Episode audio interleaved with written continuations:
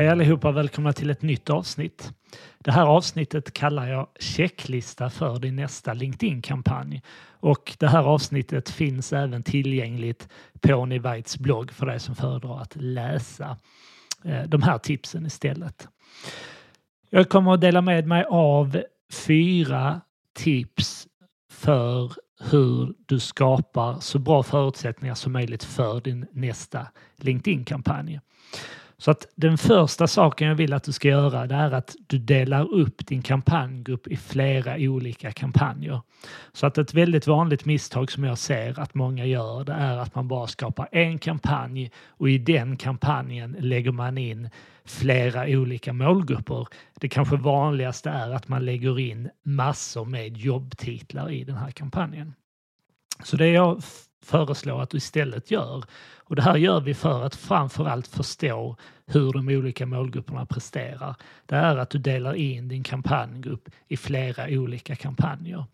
Fundera även igenom om det är så att du ska dela in de här kampanjerna i olika typer av målgruppskategorier. Så du kanske har en kampanj som fokuserar på jobbtitlar. Du kanske har en kampanj som fokuserar på en retargeting målgrupp och din tredje kampanj kanske fokuserar på någon typ av lookalike målgrupp.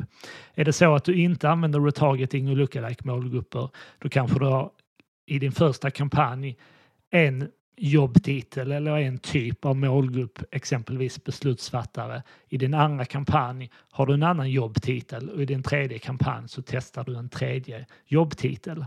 Det här gör också att du kan anpassa budskapet i dina annonser till respektive målgrupp. Så att mitt första tips är att du delar upp din kampanjgrupp i flera olika kampanjer. Mitt andra tips är att du fokuserar på olika målgruppskategorier, alltså jobbtitlar, retargeting och lookalike målgrupper. Mitt tredje tips är att du måste ta ett beslut om du ska använda utökad målgrupp eller inte. Så att det finns en funktion i målgruppsinställningarna som heter Audience Expansion.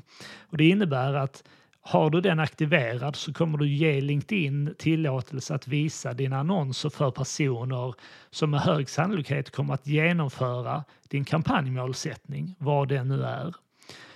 Men de här personerna kan finnas utanför din angivna målgrupp.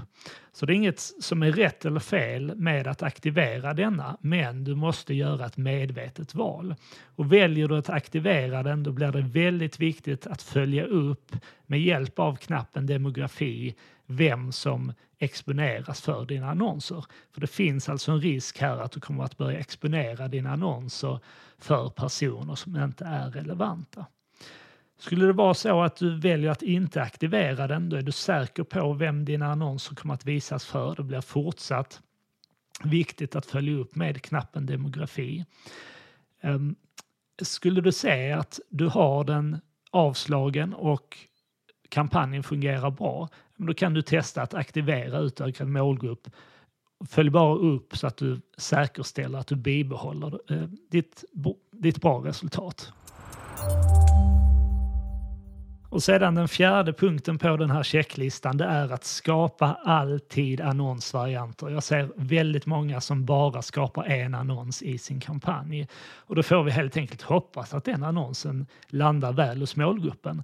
Medan duplicerar du din annons, skapar tre, fyra annonsvarianter, då ökar du sannolikheten att du kommer hitta ett budskap som går hem hos målgruppen.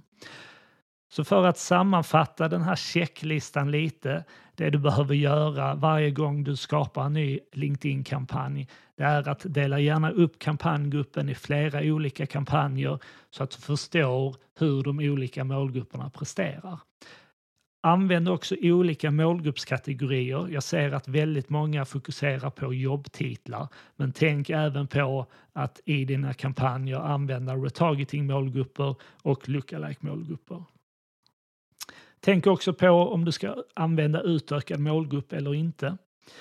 Tänk på att om du väljer att aktivera utökad målgrupp då finns det en risk att dina annonser kommer visas för personer som ligger utanför den målgruppen som du har specificerat. Följ då upp med knappen demografi för att kontrollera vem annonserna visas för. Och sedan den fjärde punkten på den här listan, skapa flera annonsvarianter. Skapa inte bara en annons i din kampanj utan skapa tre, fyra annonsvarianter.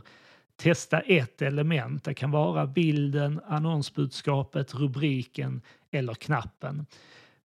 Och här skulle jag säga att fokusera på att testa bild eller annonstext i första hand. Just för att öka sannolikheten att du hittar en variant som går hem hos målgruppen. Så det här var tipsen för idag. Är det så att du vill ha mer tips och inspiration kring annonsering på LinkedIn så finns det massor med avsnitt i poddarkivet.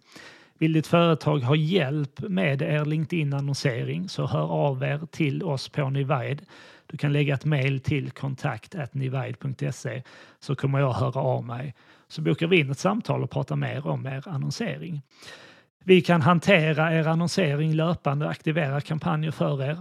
Men vi kan även boka in ett eh, videomöte där du får möjlighet att sitta tillsammans med mig och gå igenom de kampanjer som finns i ert konto. Och så får du förslag och förbättringar för hur ni kan optimera er annonsering och göra den ännu bättre.